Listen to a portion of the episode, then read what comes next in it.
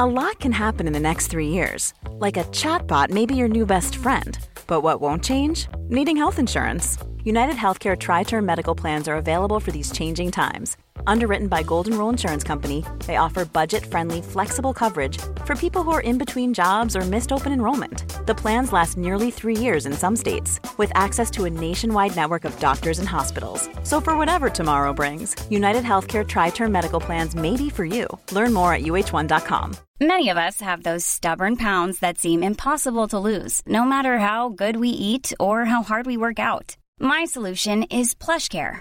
PlushCare is a leading telehealth provider with doctors who are there for you day and night to partner with you in your weight loss journey. They can prescribe FDA-approved weight loss medications like Wagovi and Zepbound for those who qualify. Plus, they accept most insurance plans. To get started, visit plushcare.com slash weight loss. That's plushcare.com slash weight loss.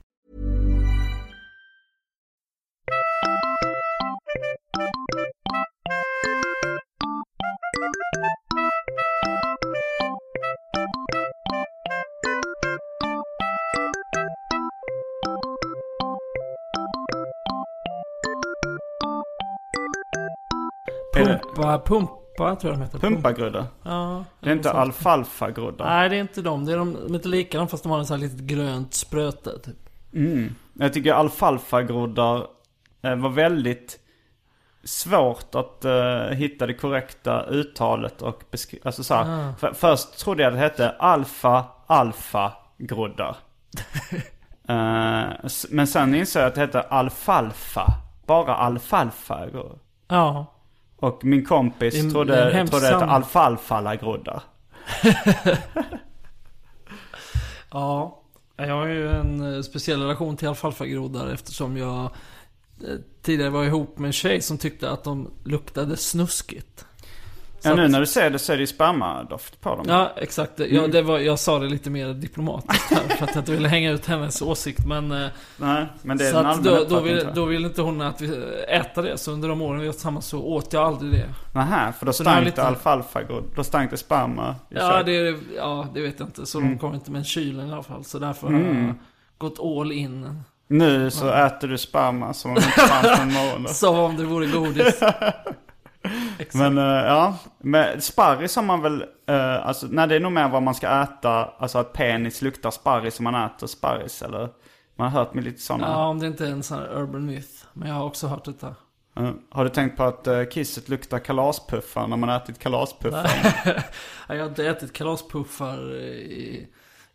Sen jag började lukta på mitt kiss höll jag på att säga. Men, men ja, nej.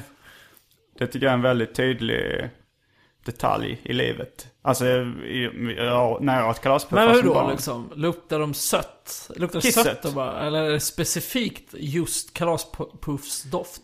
Jag tror det kan vara det puffade spannmålet. Eh, och i det fallet är det väl, vad är det, vad är det ris? Puffat ris?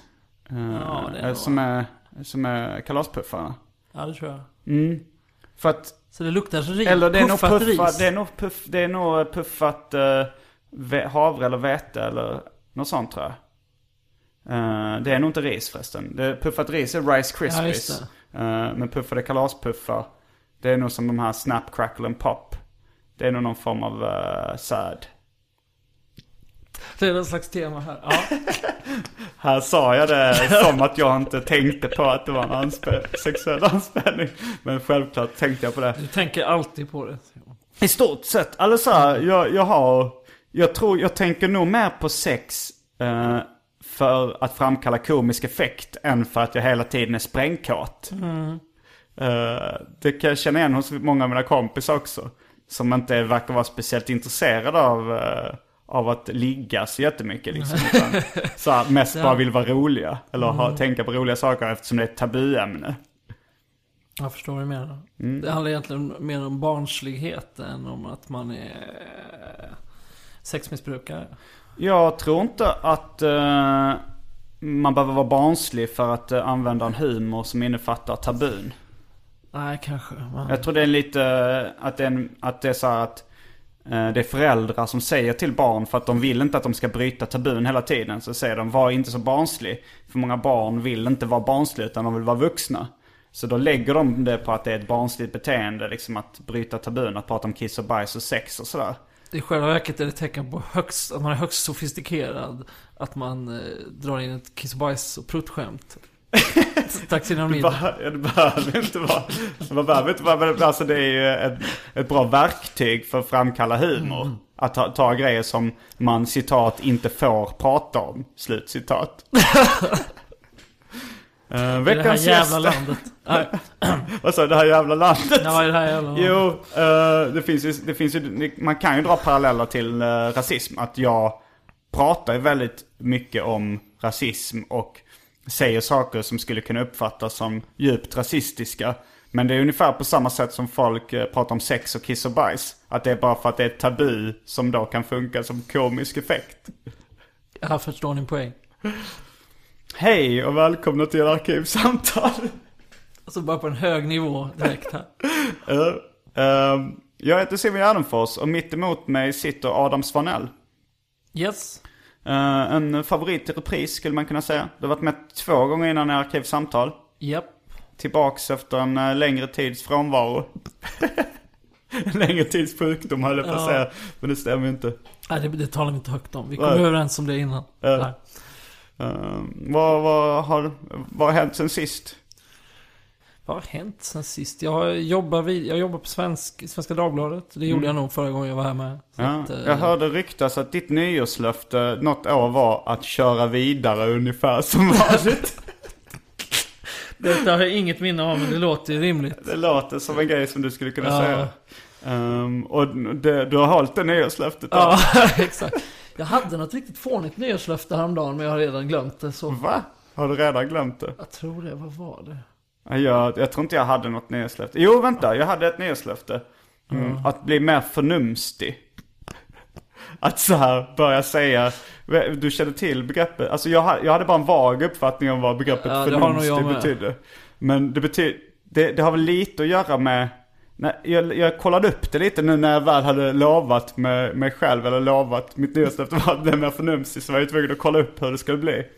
Eh, det är när man säger mycket självklara saker som om det vore någonting viktigt och genomtänkt. Ungefär som att man säger eh, om man inte har några pengar så kan man inte köpa någonting. Det är en typisk förnumstig kommentar. Ja, men då ser jag fram emot 2014 och umgås med dig riktigt mycket Simon.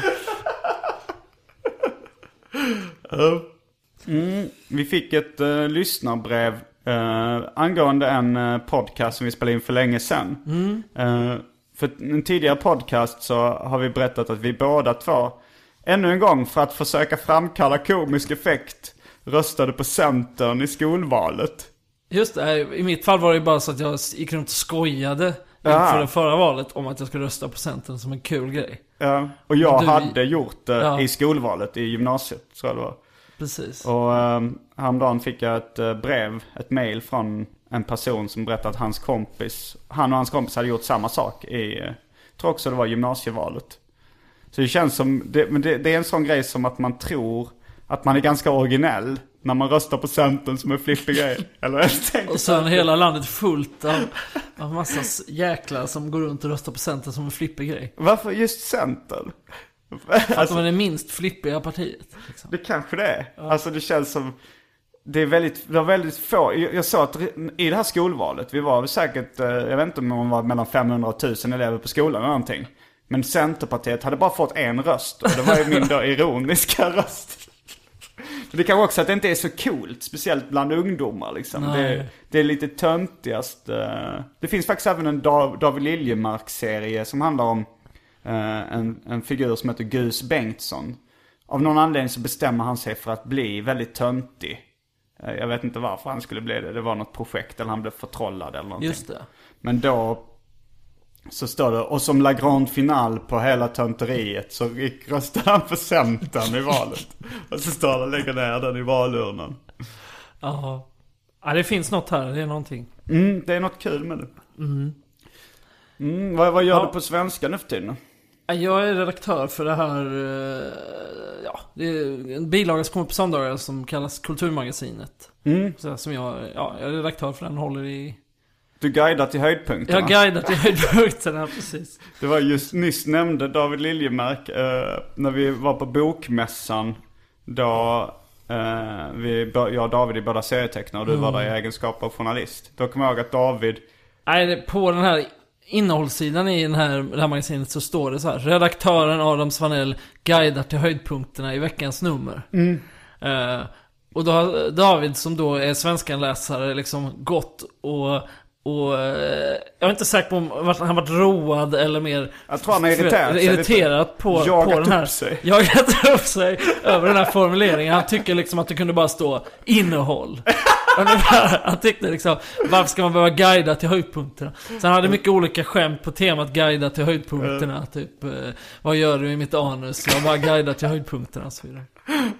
det är mycket, eh, mycket, ah, David var en av dem jag tänkte på också när jag sa eh, personer som är, använder och skämtar väldigt mycket om sex. Ja. Men inte som verkar, inte speciellt jätteintresserade av att ha sex speciellt mycket. David har inte, han sysslar inte med sex. Han har ju två barn. Ja. Så han har förmodligen, om det inte... Minst två gånger. Ja, minst två gånger. Och sen en gång för att det var skönt. Som Åsa Grönvall, eh, en annan serietecknare, sa om sina föräldrar. eh, när, vi, när vi diskuterade det här, eller jag var inte med, men jag hörde att en diskussion hade förts om huruvida ens föräldrar hade haft sex med varandra. Den här klassiska fantasin eller obehagliga tanken för vissa. Eh, Men då så sa hon att, eh, eh, ja mina föräldrar, hon hade ju en bror då så, två gånger har de väl haft sex.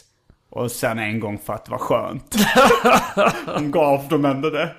Men det är inte du som, eller har du, jag vet inte, det kanske jag minns fel, men inte du eller någon som har gjort en teckning på temat att det bästa med att få barn är att man har svart på vitt och man fått ligga. Nej det är inte jag som har gjort en Jag känner igen det, jag vet inte riktigt var, det kommer ifrån. Det finns ju provrörsinsemination och det finns adoption också. Men, eh, men om det är ett barn som Inte ens det. Men uh, ja, David, jo men han, eh, han verkar ha lite ett förakt mot se, eh, att ägna sig åt njutning i allmänhet. Tycker han är lite äckligt, verkar det som. Han, tyck, han blir till och med lite så här, han ger mig en äcklad min när jag säger att jag har uh, uh, sovit middag. Jag tror Jag frågade honom så här, varför jag såg verkligen tydligt att han blev äcklad av det. Så jag frågade honom så här, "Var- varför blev du äcklad av det? Ah, allt fysiskt. Han blev äcklad av allt fysiskt, påstod han. Ja, det är en väldigt bred grej att bli äcklad av.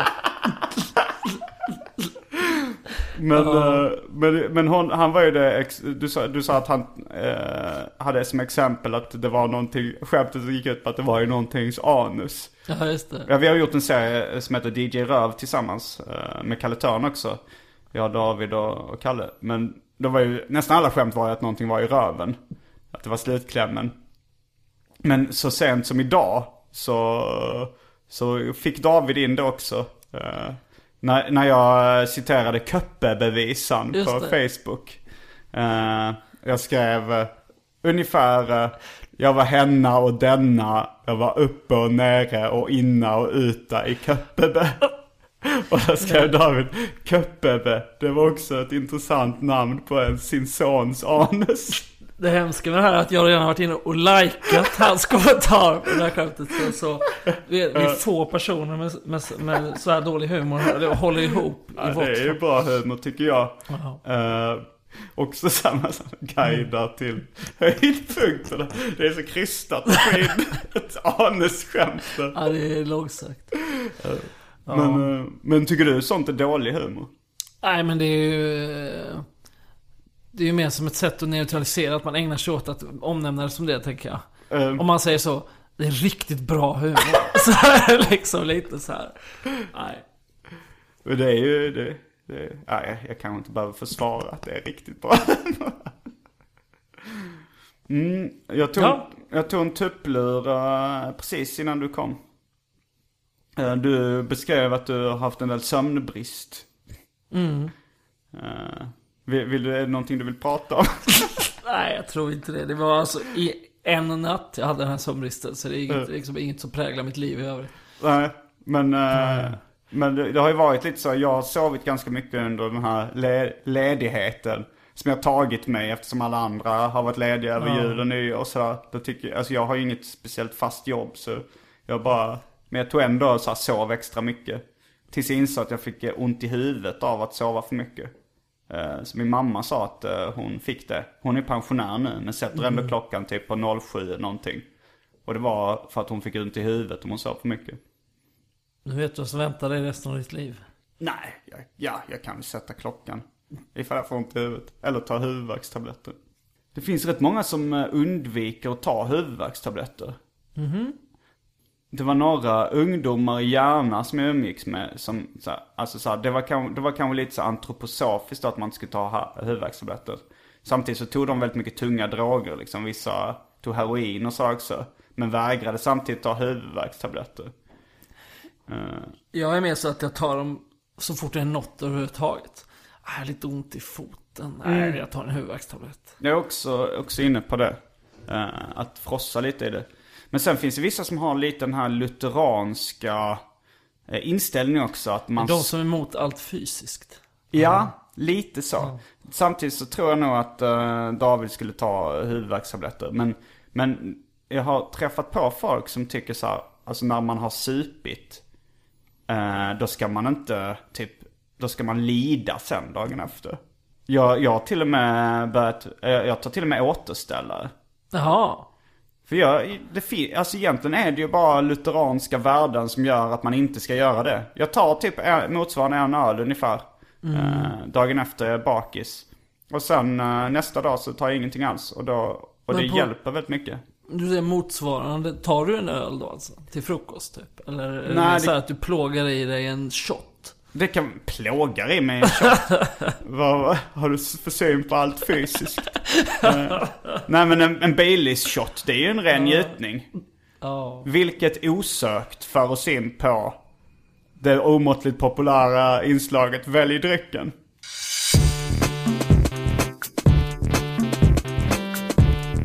Jag tror vi börjar med det fasta inslaget Välj drycken!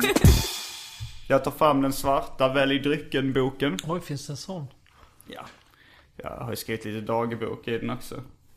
Eh, men det som finns eh, i mitt kylskåp och i min kran just nu, det är avslagen Coco Bahia. Uh, Vira Blåtira kan vara lite avslagen. Eh, Dry Martini. Baileys. Pepsi Max. Chivas Regalwhisky och vatten. För tråkmånsar och nej-sägare. Precis. Chivas Regalvisk kändes otippat. Dricker du sånt? Nej, jag fick den av en, eh, en man på stan. det här, det här Var det samma berättat. kran som du nämnde här? Att, Ja, det, nej, det var, det var bara en kille som, eh, som i, ett, i en gest av uppskattning av min eh, insats i underhållningsindustrin gav, han gick och, drick, drack då på en flaska Chivas regalwhisky. och halsade sådär på Ja. gatan. Och gav den till mig. För en fråga, han sa ja, eh, som en, som en liten present. Men det låter ju trevligt. Då, då tar jag en sån. Okej. Eh, jag tror jag tar mig en draja. Bara för att uh, vara flippig. Mycket flippigt. Rösta på Centern och dricker dry martini. Då är vi strax tillbaks.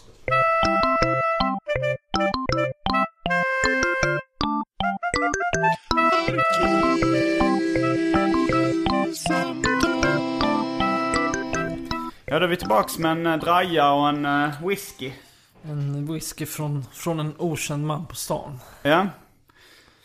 Mm, så du har bara kört på som vanligt. Det har inte hänt något nytt sen sist. Eh, något nytt borde ha hänt. Ja, en grej var ju i somras när vi, eh, vi sågs, i och för sig, vi sågs på Emmabodafestivalen du och Ja, jag. just det.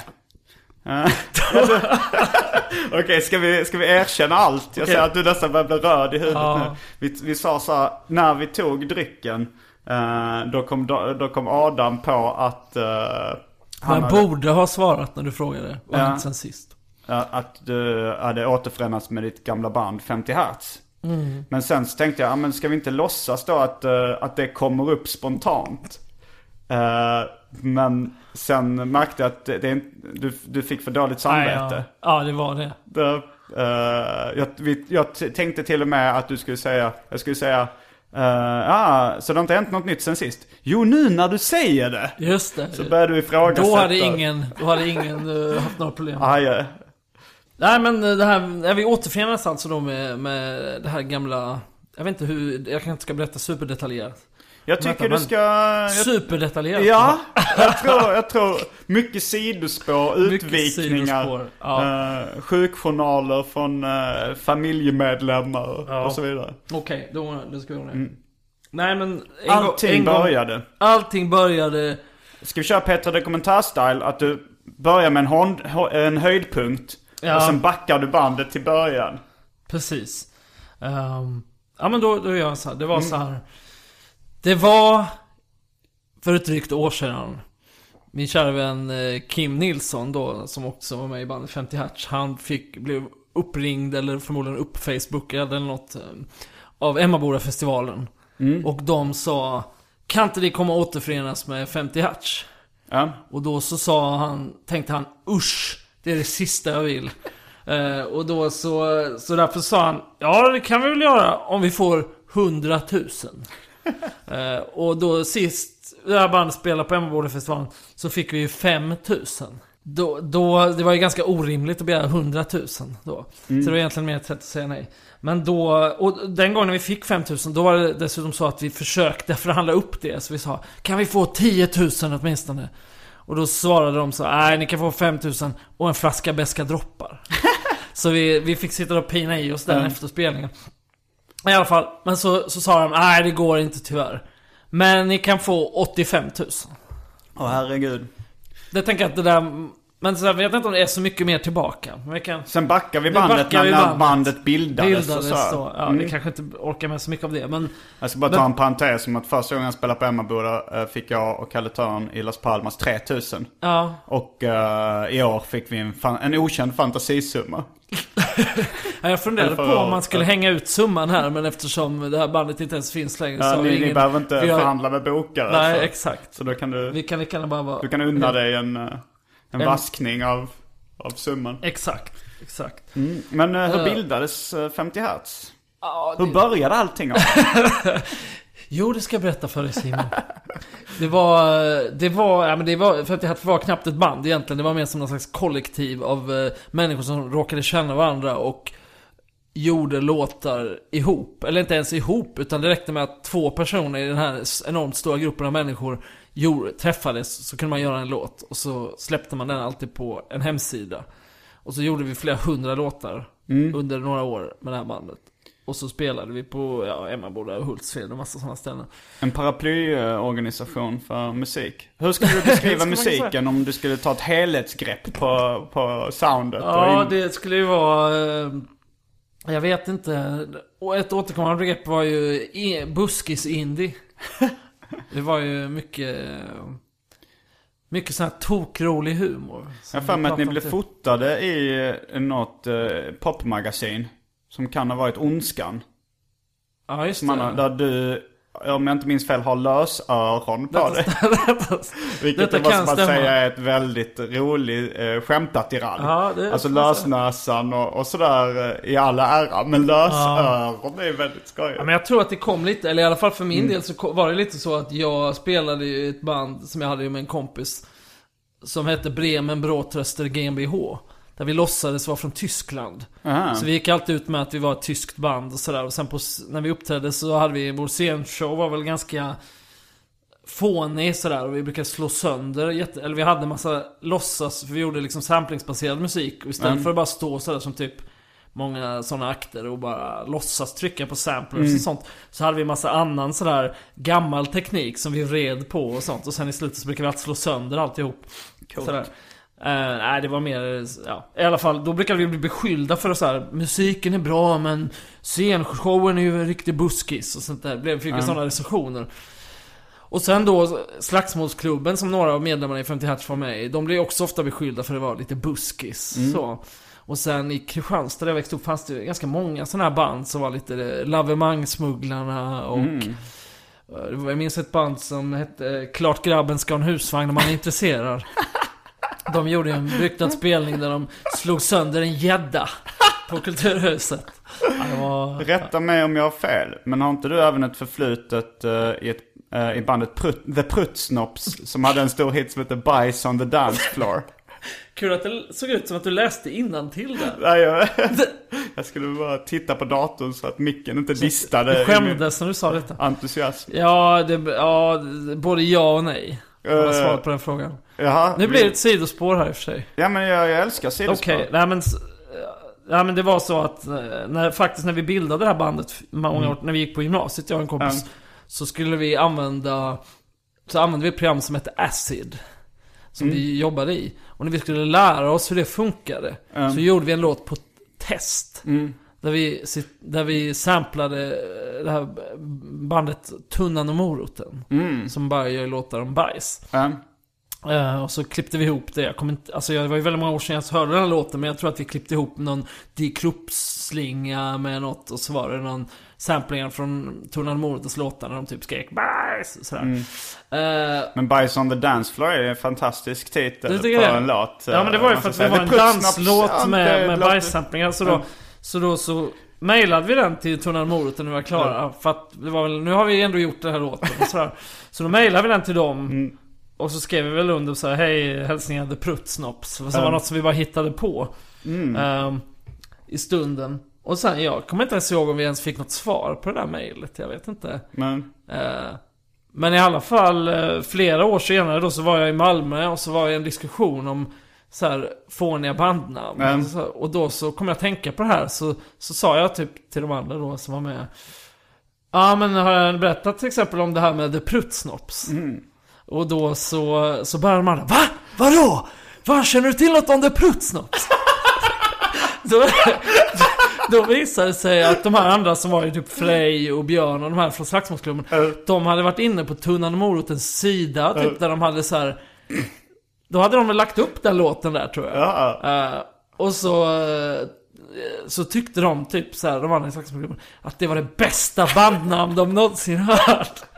Jag, jag, Fan är genialt! förtjust Så de hade varit helt så pratat om så här, Fan The Prutsnops bajsande där, så vilken briljant låt och bandtitel. Och så kom det Ja, fram då att, jag att det var en av deras eh, vänner som hade gjort låten. Ja, det, det var nog lite samma sak när jag uh, lärde känna dem och eh, det gick upp för dem att eh, jag och Kalle var två av männen bakom DJ Röv. Ja, ja.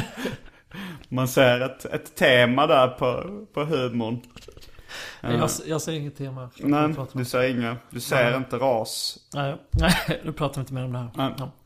Men, eh, ja och vad hände sen? Det, det, det var bara, det var Ja, bara en nej, men i alla fall så att engångsföreteelse. då- Sen splittrades det, Prutsnopp. splittrades samma kväll som det Musikaliska bildades. meningsskiljaktigheter. Ja. Mm. Eh, nej men så att då när vi började med 50 Hertz så var det mycket det här att, man, att vi medvetet kallar oss buskis. För att liksom omfamna den här extrema, eh, att inte vara skitnödiga. Utan tvärtom vara så oseriösa som det bara gick. Och Ja. typ sjunga om korv och ha, ha lösnäsor och sånt. Ja. Där, Ja. där knyter vi ihop tråden med Köppebevisen också. Ja, Mm. precis. Sjunga om korv. För de som inte hängde med. Ja, det var knappt så jag hängde med. Gjorde du inte det? Um, nej men alltså, och sen, ja, för att göra den här historien pyttelite Lång. kortare än, så, än den är. Så, så, ja, slutade vi spela med det här bandet för säkert fem år sedan eller någonting. 50 hertz. Ja. Men, och eh, nu då så fick någon den här konstiga idén att det skulle finnas ett intresse för en återförening med Mm. och så hände den här händelsen som, jag- som inledde det här dramatiska re- radioreportage. Eh, och då så var det så, ja men vi får 85 000. Vi har ju aldrig fått, ja, en tiondel av det innan. När vi höll på på riktigt. Så då sa vi, då måste vi göra den här återföreningen. Eh, och så började vi planera detta då redan, eller om man med börja planera mer var så här, att vi sågs en gång och pratade massa löst och massa helt orealistiska idéer. Kan du Ja. ta några exempel på de, någon av de orealistiska re- idéerna som inte genomfördes? Vad jag har hört Ja. så ville bland annat eh, Kim Nilsson hoppa på en hoppstylta genom en brinnande ring. Ja, det stämmer. Det är korrekt. Det var eh, fanns långt skridna planer på detta. Jag hörde även att ni ville ha Bertram Heribertsson som skulle presentera varje låt. Precis, Det det, var min idé. i Tre Kronor. Ja. Jag tyckte att det var, eh, precis, lagom, lagom känd. Mm. Och lagom bortglömd person. Som, som inte har någon som helst logik i varför han är där. En lagom tjock man i sina bästa Ja, år. exakt. Så Bertram Herib... Hur uttalar det? Herib... Bertram Heribertsson. Heribertsson. Ja, han, Reine från Tre Kronor, Mm. han skulle vara konferencier var idén då. Ja. Men som han sa när jag ringde honom Så var, skulle han vara i Italien med familjen den veckan. Mm. Ja, Jag tror jag, eh, för mig, jag, kop, jag ägnar mig åt en viss koppleriverksamhet där. Mm. För att uh, Bertram Heribertsson har faktiskt eh, spelat min hyresvärd i en eh, dramatisering av min serie Lura mig. Eh, på en, på en Vimeo-film som Fabian Sigurd har gjort som skolfilm. Stort. Ja, det är kanske höjdpunkten i mitt liv. Eller karriär. Jag vet inte, det går ju hand i hand på något sätt. Um, men det trodde man inte när man sa Tre Kronor. Nej, nej precis. Um, Så, men, eh, men det vi gjorde med de här planerna var ju att inte sätta dem i verket överhuvudtaget. Eller en plan sattes i verket, det var att vi skulle ha med en barnorkester på scen. Mm. Jag har bevittnat den här spelningen. Ja. Jag ska inte spoila vad som Nej. väl hände på scenen. Men jag, barnorkestern sa. Ja, barnorkestern var ju det enda som var uppstyrt långt på förhand då. De, Mm. de kontaktades redan i januari eller något och, och eh, liksom de fick låtarna och började repa och liksom skulle verkligen... eh, Hur fick ni tag i en barnkör? Ja, vi ringde bara musikskolan i Emmaboda. Mm. Och när jag säger vi så menar jag såklart någon helt annan i bandet än jag själv. Okej. Ehm, Skulle du säga att du är en av de slappare i bandet liksom? Antydde nej, det skulle jag inte säga. Mm. Och, och det beror inte på att jag inte slapp, utan på att det finns väldigt många som är väldigt slappa. Ja. Men eh, de hade propellerkepsar. Ja, precis.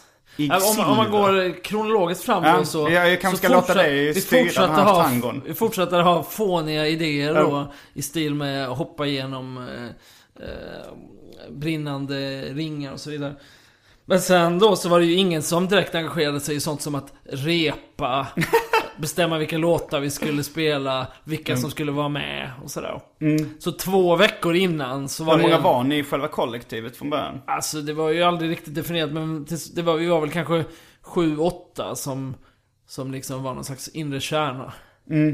Eh, Men två veckor innan konserten skulle vara hade vi fortfarande inte bestämt när vi skulle ses och repa eller något. Och då var det en i bandet som sa "Äh, nu ställer vi in. Nu är det jag som hör av mig till Emmaboda och säger att vi ställer in. Vill så. du nämna namn? Eh, Ja, det vill jag självklart. Det var Björn Anders Nilsson. Även medlem i Slagsmålsklubben. Ehm, men, eh, och då, då fick vi liksom ta, eh, fick vi ändra den vagnen och sågs på den här herrgården som några av dem i bandet faktiskt bor på. Bor. Hur, hur många, är det många slagsmålsklubben som bor i herrgården? Det är, det är Bebop då och Okej. Hannes i Slagsmålsklubben. Och sen bor- så är det Björnstammen också eller? Några Ja, därifrån? precis. Mm. De bor på en herrgård utanför Norrköping. Mm, spännande. Så de, de, det är helt sjukt att de har råd med det, men de har ju verkligen lyckats. För de betalar ju den hutlösa hyran, tror jag, av 6000 kronor för I en här, i månaden för, för en herrgård. Ja. Det, är, får, det får man säga skapligt. ja, det är det ju verkligen. Eh, Det är ungefär vad jag betalar för min etta Ja. eh, på Södermalm. Nåväl, eh, så då repade vi faktiskt ihop någonting där. Och sen så hade vi, när vi sen kom till Emmaboda och träffade de här barnen, så visade det sig att de var ju dels mycket äldre barn än vi hade trott. De var ju typ såhär Hur gammal kan man vara och ändå vara barn? Ja, de var 12-13 kanske, eller så Ehm. 12 typ. De var inte så 9 som jag Nej. Hade ni hoppats för att det skulle vara ännu yngre barn? Ja, kanske. Fast i efterhand så var det ju lite av en hit att de var äldre, för det betyder att de kunde spela. Mm. Så de var ju bättre än oss. Det var ju lite så att de eh, liksom utskåpade oss på scen. Eh, Ja, sen spelade vi då och vi hade då, jag hade Unni som är med i bandet eh, fixat eh, silverklädsel till alla i bandet. Mm. Och barnen då hade sil- propellerkepsar i silver och mantlar i silver. Och eh, vi hade en trollkarl på scen som trollade och vi hade Illusion Kenneth. Illusion Kenneth, ja. Vi hade även några stora hästar Mm. i, jag vet inte vad de var gjorda av, gummi eller något som Frej hade ordnat. Och varav en stod på en, på en eh, skylift och sprutade såpbubblor ur röven. Oj, jag, jag såg ju det här men såpbubblorna tänkte jag inte på faktiskt. Det kanske var för högt upplyft för att man skulle se såpbubblorna. Kanske, kanske. Och det var någon Eh, slags... eh, Vi hade även ja, så här eh, projektioner liksom. Ja, det var det jag tänkte korv, korv med bröd och sånt. Mm. Som susade genom rymden. Jocke Boberg låg bakom den, Ja, precis. den gamla räven från bland annat ra, radioprogrammet Rally. Han, Precis. har han gjort. Så det var ju väldigt lyckat alltihop. Mm. Det förvånande var att vi med den här ambitionsnivån med att köpa in dyra hästar i Mm. gummi och... Eh, eh, det var väldigt så när vi repade också att liksom vi, ska, Mm. ah, vi måste sticka fixa något så och han äta och så kom han tillbaka med så en, en hel gös som han skulle grilla. Det blev hela tiden en lite för hög ambitionsnivå på samtliga inköp. Eh, Så när vi räknade ihop utgifterna för de här 85 000 så Mm. var det typ så här 7 000 över att dela på. Jaha, att dela på hur, eh, när ni skulle dela ut gaget. Ja, Och hur många var ni? ja eh, vi var väl sju kanske. Ja, ja men en tusenlapp. det är inte kattpiss. Nej. Uh, har man levt det goda livet precis. Mm. Jag, min, jag minns spelningen. Det, det var ju ingen dum idé av Emmaboda. Det kom ju väldigt, väldigt mycket folk. Ja, jag förstår inte vilka alla de var. Men eh, ja, det, det gjorde det. Ja, men det är många av medlemmarna eh, i 50 Hertz som har, har liksom eh, blivit kända på annat håll. Förutom 50 Hertz. Jo, men, precis. och, och så det är många liksom fans av Slagsmålsklubben eller Maskinen eller Unnis projekt. Eh, Tjetjen eller hur det ska Ja. uttalas. Och, och allt vad det heter som, som sen liksom, eh, när de läser på om sitt favoritband då även hö- hört talas om 50 Hertz och, eh, och spanar in det liksom. Mm. För att inte tala om alla läsare av Svenska Dagbladets kulturmagasin på söndagar. Som själv tog bilen till... Nej. Ah, okej, ah, så då tänkte du på Svenska Dagbladet-läsaren som, Ja, ska- kollar, som kollar upp han. som kollar upp Vem är han som guidar till höjdpunkterna? Exakt, Oj, han har haft ett exakt. barn som heter 50 Ja, Hertz. Eh, nu, nu packar vi ihop bilen full och drar till Småland. Vad, vad har hänt under julen?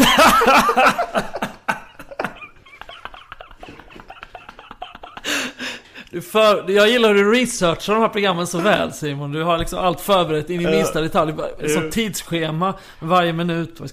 Det är som Eh, kokande vatten. Ja. Eh, I jul har jag kollat på Paradise Hotel. Har det gått över julafton? eller har det Nej, gått men... över jul? Eller har Nej, du kollat jag- på gamla DVD? Nej, nej men jag har, jag, jag har ju eh, faktiskt ingen TV annars. Men nu eh, över jul, så, eller egentligen över nyår, så var jag på en eh, skidresa. Och då kollade jag på, på TV där. Och Var då var du på råkade jag sappa in i, jag var i Idre. Då råkade jag sappa in Paradise Hotel och så blev jag så hooked. Så jag har gått tillbaka på så här TV3 Play. Som- Vem är programledare i årets säsong? Ah, det kommer jag inte ens ihåg vad hon heter. Hon är inte med så mycket. Nej. Det är mest att de får sköta sin show själva.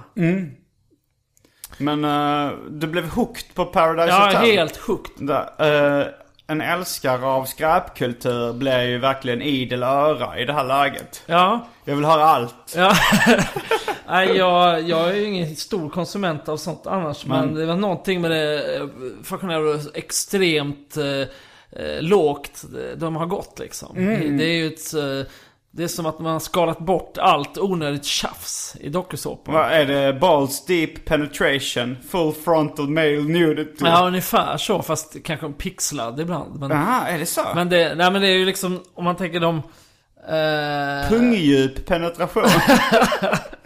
Un, ja, men det, om man tänker så här med dokusåpor att, att Mm. liksom, de, har, de, har, de som gör Paris Hotel har verkligen fattat varför man kollar. Liksom. Mm. Man, kollar man för att man vill så här, se en så här, person stå på typ på en tävling som kan stå längst på en planka eller något sånt. Du tänker det- Robinson-anspelning? Ja, det gör man ju inte. Nej. Och man, kollar man för att de vill, se- man vill se så här en härlig blandning av olika människor träffas och interagera. Nej, det är inte. förnedrings-TV rakt Utan man kollar för Mm. man vill se idioter eh, interagera och ha samlag på TV.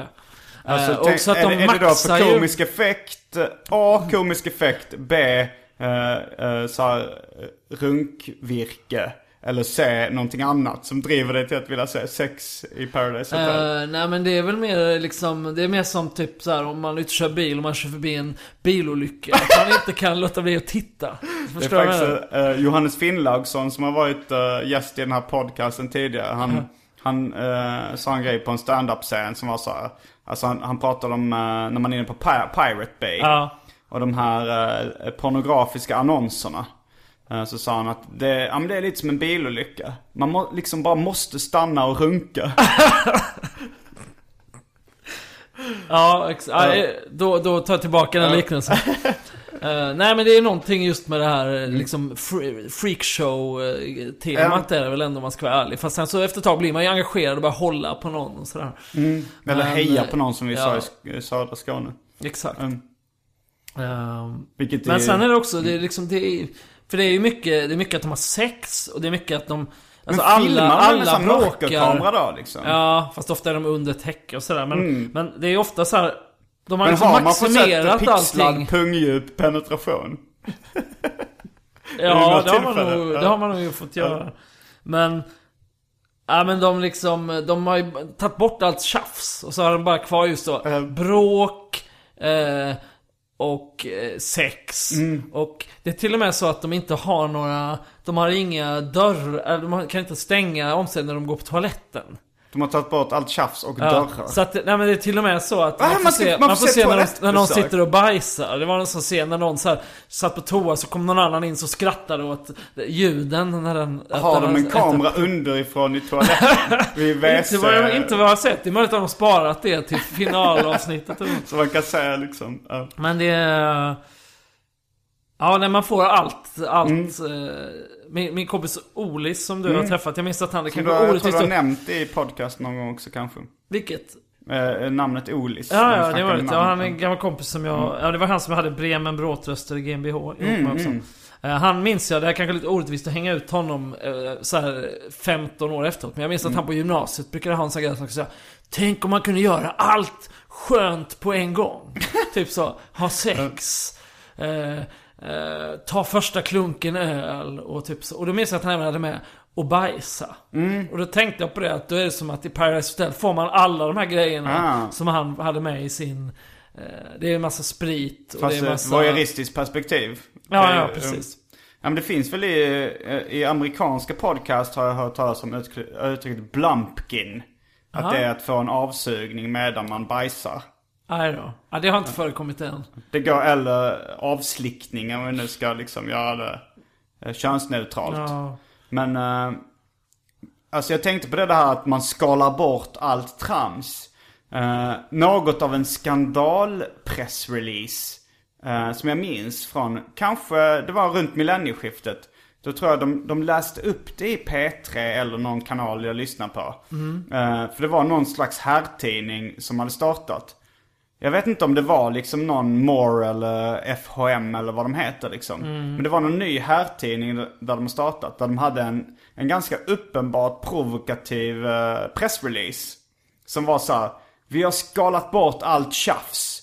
Den här herrtidningen innehåller bara pattar, poker och analblekning för flickvännen.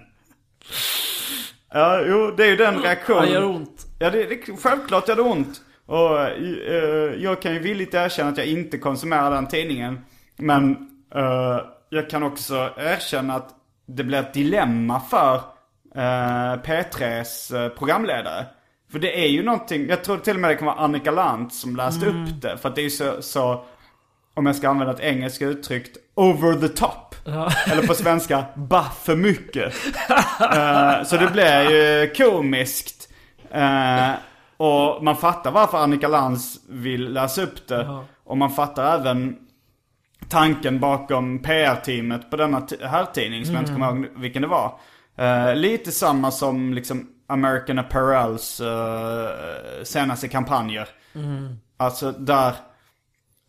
ja, men de, de, American Apparel hade väl någon Är det här sån- med eat less och så? Nej men de, ha- jag, jag vet inte. Det jag tänkte på var... Um, en, de, American Apparel hade någon liksom kampanj som jag tror, det var en unisex-dräkt. Och där så gjorde de kampanjen så pass sexistisk så att den skulle väcka debatt för att de skulle få mer uppmärksamhet. Just det. Att det var liksom en unisexdräkt men typ tjejerna som hade på sig den här dräkten visade väldigt mycket hud och killarna ingenting.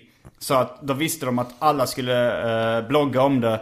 Och, så, och, och sen så gick typ American Apparels marknadsföringsguru ut och liksom citat avslöjade slutcitat sin metod. Hur han hade gjort så här. Ja men jag startade själv den första eh, motreaktionen och sen började någon större tidning skriva om det. Men sen läste jag Lina Thomsgård skrev om det liksom också att, att det blir lite fel om man nu är emot eh, sexism och en sexualisering av samhället så blir det lite fel hur man än gör. Mm. Ifall man inte reagerar mot det så, mm, så ger man intrycket att man tycker det är okej. Att, i, att tiga och hålla med. Och ifall man bloggar om det eller skriver om det på Twitter så gör man reklam för det företaget som Ja. slår mynt av de smutsiga metoderna.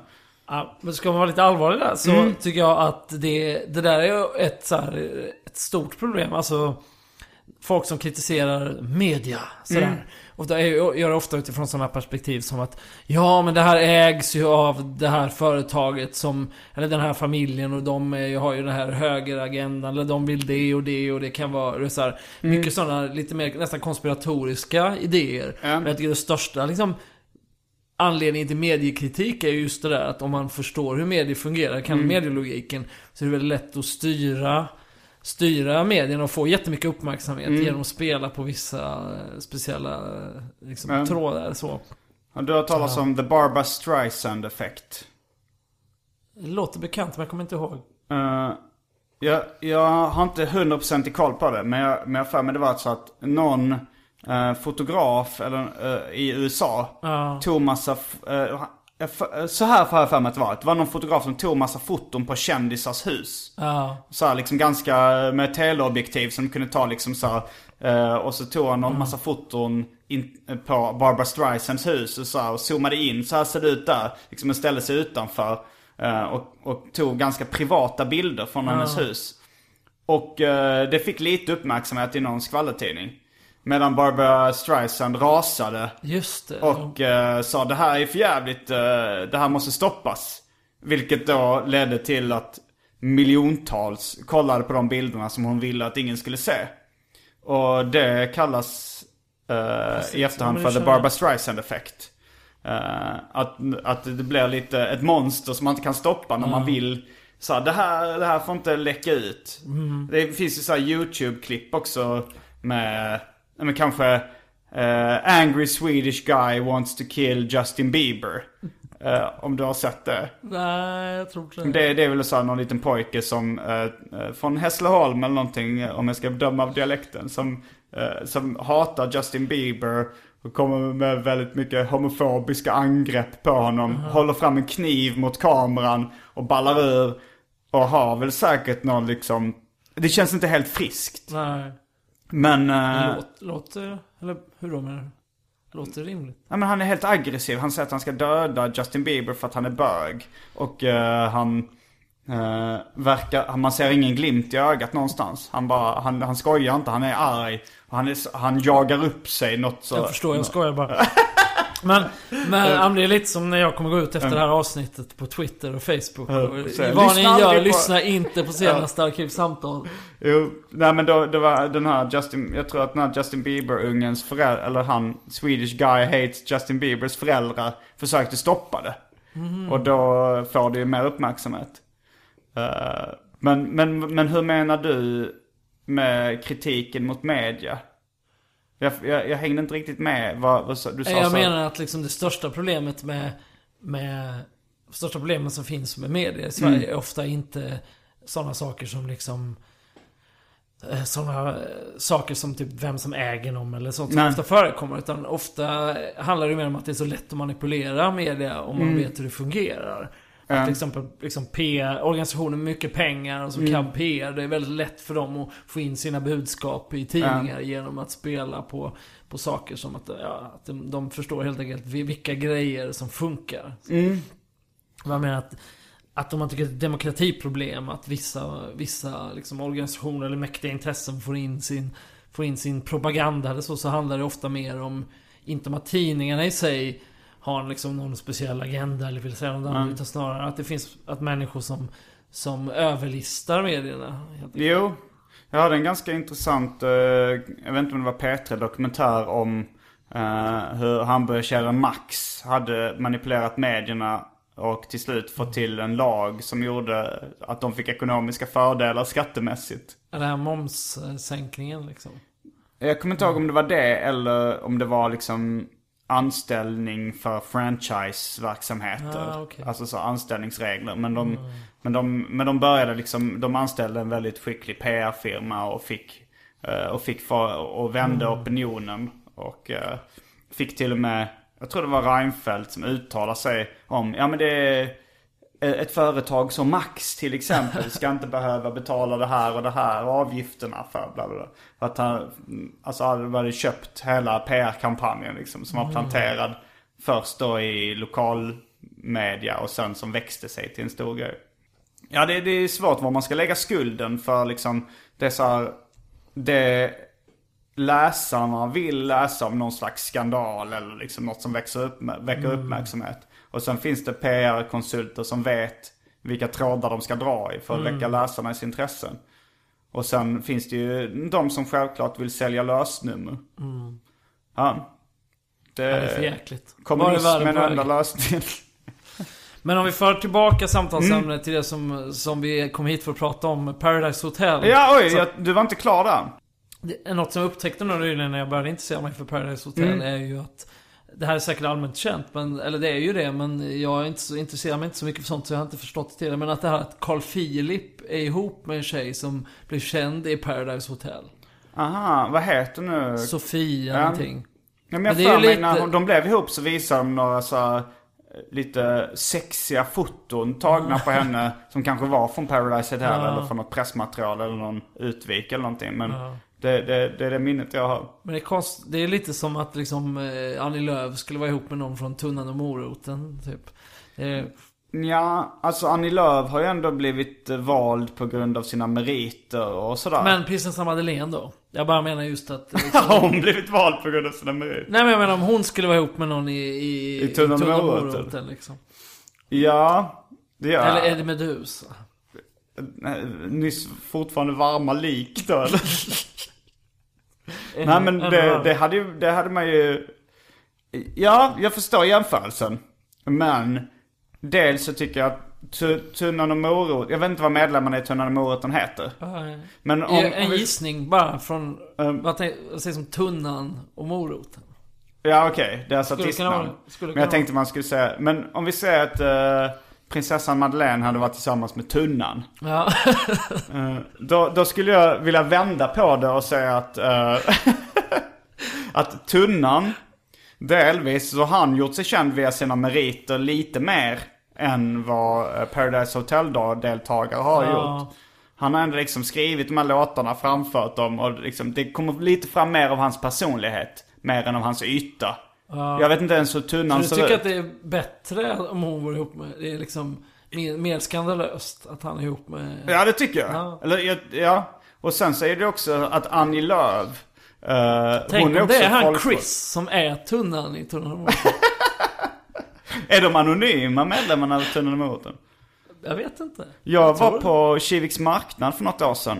Då var det någon eh, person, en kille som stod och sålde skivor.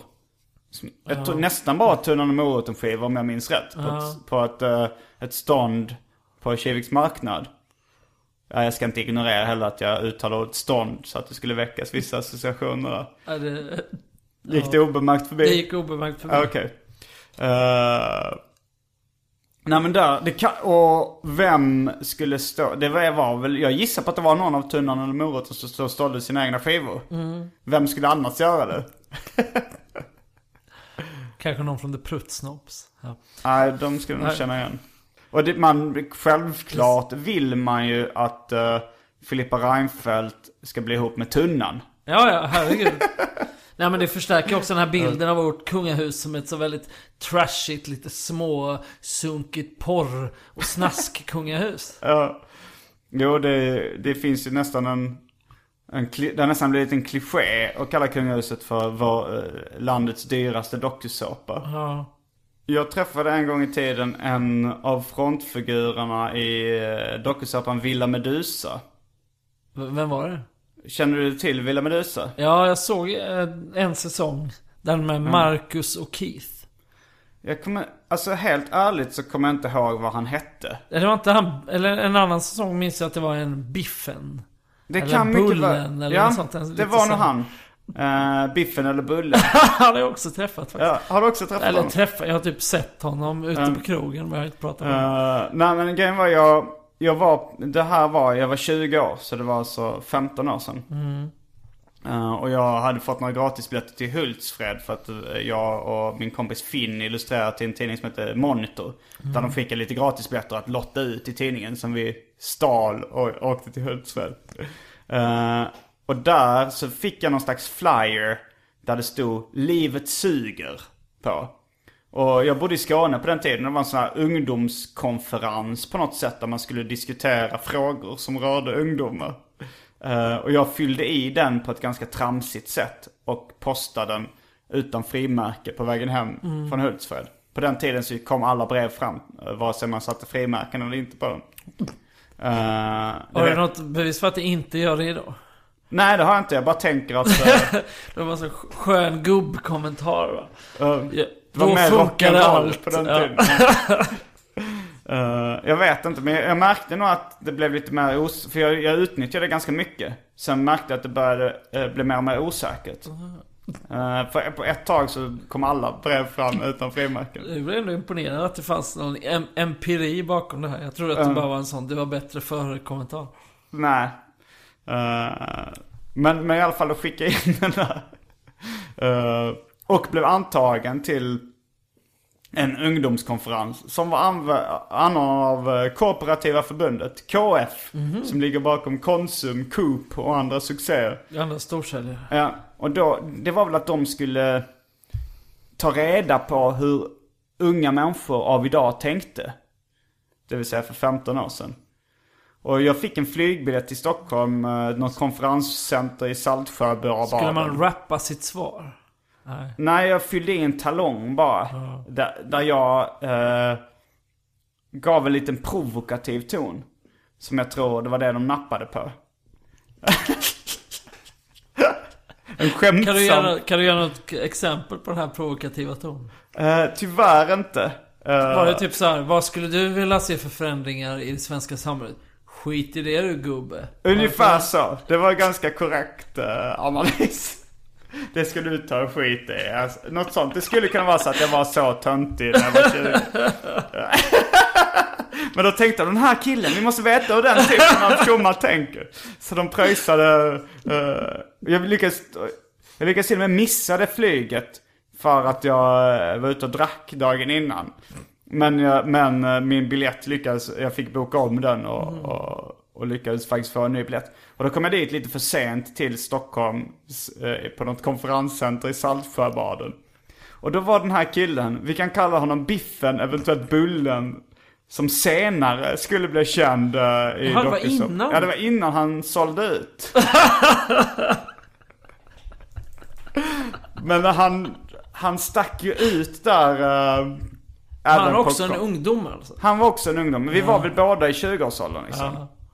De ville väl ha, ta reda på vad folk tänkte i 20-årsåldern. Och så delas man in i olika grupper och så fick man dela, eh, diskutera olika ämnen. Liksom vad som var viktigt för ungdomar och sådär. Vad som var viktigt för oss. Vi hamnade i samma grupp. För det var så här, typ, de frågade så här, ja men, eh, för när jag kom dit så var det redan, eh, eh, då hade folk redan delat in sig i grupper. De hade liksom haft lite små intervjuer och sådär. Så var de så här, här har vi en grupp som tycker det viktigaste i livet är arbete. Här har vi en grupp eh, eh, som ungdomar som tycker att det viktigaste i livet är miljön. Och så fanns det en grupp som tyckte att vi kan bara dra åt helvete allihop. Nej, jag, jag tog det flippigaste alternativet som var här har vi en grupp som tycker att det viktigaste i livet är kärlek. Och det tyckte Biffen också. Ja, där var han. Han var i kärleksgruppen. Men eh, jag tror vi talar om samma person. Han var ganska styrketränad och groomad. Ja, Eh, nej då gör vi inte det. Det gör vi inte. Jag tänker på den killen som var, alltså jag kanske till och med var- Stefan hette han, kommer jag Ja, på nu. nej, jag tänker på den killen som var med, det kan ha varit i baren eller något. Men han var jättetjock. Aha, Så kallades han för typ såhär Bullen eller Biffen eller något sånt. Ja. så, eh, ja, ja, nej jag vet Men inte. det var i alla fall Stefan och hans kompis Krypet som var där. Och de båda hade någon slags uh, frisyrer som ungefär som någon, den här eh, militären i Street Fighter 2. Sådana frisyrer hade de. Och Stefan då var väldigt gymmad, hade svullna muskler och gav ett ganska korkat intryck. Han, åh jag tycker... eh, han skulle berätta om vad han tyckte var, var det viktigaste i livet. sa Ja. Trisslotter! Ah. Du, och så frågade de så här, va, eh, vi är så här, eh, du sa att du, du, du valde kärleksgruppen här. Ja, om man vinner på trisslotter då kan man eh, köpa uh, kärlekspresenter till den man är ihop med. Ja. Det var den Jag tror det skulle nivån. komma ett värre svar där. Men, Jaha. Han hade till slut, det tog ganska lång tid för honom att komma fram till den skohorningen så att han Ja. fick in trisslotter i, eh, i kärleksgruppen. Men han var, han var liksom, han var väldigt vulgär. Han låg med någon tjej eh, på det här konferenscentret. För det var någon annan i då kärleksgruppen som Ja. såg eh, henne rida av honom genom fönstret på den öppna liksom. De hade ju liksom inte dragit för persiennerna eller något sånt ut till gården där alla gick omkring. Så han hade liksom fullbordat eh, samlag inför publik. I stort sett på, på på, det här dagtid ungdoms... liksom. Ja, Den, här, den här tjejen som berättade om det, det, hon hade sett det i alla fall på något sätt. Eller hade de tända lampor där inne så att det syntes väldigt tydligt. Och på då när jag såg Villa Medusa. De var i någon fjällstuga i Alperna. Det var någon skidvariant av Villa Medusa. okej. Och, och han, jag tror han hade haft sex med typ alla de kvinnliga deltagarna eh, redan efter tre dagar och sånt. Och, Det är helt sjukt alltså. Jag minns ju inte exakt vad som hände nu i dagarna men sånt händer ju inte att man har sex med alla deltagarna redan första veckan. Det, händer ju bara inte. Han var något av en himbo kan vi säga. Men, eh, men vi, vi snackar ju en del då på det, på det här uh, ungdomskonferensen. det är min, eh, det är min, eh, men och sen, sen såg jag liksom trailern för uh, Villa Medusa. Så, åh han är med. Stefan. Eh, inte Krypet. Uh, dock. Krypet var lite mer hans, lite mer tystlåtna sidekick. Ja. Uh, fanns även en rappare med i, i sammanslutningen som kallar sig för Dan Banan. Fräckt. Det var innan Sean Banan, långt innan. Uh, nej men då följde jag ju den säsongen av Villa Medusa självklart för att se den här som Mm. Hur- jag nu när jag var bekant med. Jag kommer inte ihåg vem som vann överhuvudtaget. Men det var, det var inte liksom, eh, det spännande är ju inte vem som vinner. Utan, han hade även med, om vi ska knyta ihop, jag vet inte om vi ska knyta ihop någon säck. Men han har även med en uh, lösvagina som sin personliga pryl, Stefan. Oh, Alltså en, en, en, charmigt. en, ja, en gummifitta helt enkelt som man, eh, som man skulle, det, man fick, det var väl lite som Robinson att man fick ta med en personlig pryl. Trevligt. Och med de orden så säger vi tack och hej då från veckans avsnitt av Arkivsamtal. Jag heter Simon Gärdenfors. Jag heter Adam Svanell. Fullbordat samtal.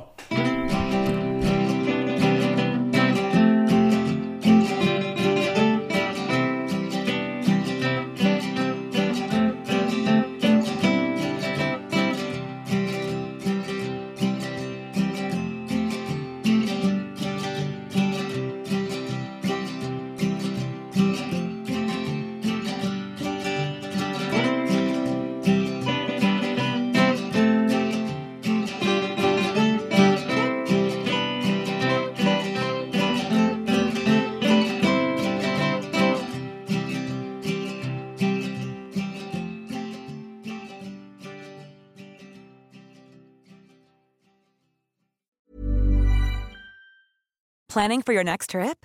Elevate your travel style with Quince. Quince has all the jet setting essentials you'll want for your next getaway, like European linen, premium luggage options, buttery soft Italian leather bags, and so much more. And is all priced at 50 to 80% less than similar brands. Plus, Quince only works with factories that use safe and ethical manufacturing practices. Pack your bags with high-quality essentials you'll be wearing for vacations to come with Quince. Go to quince.com/pack for free shipping and 365-day returns.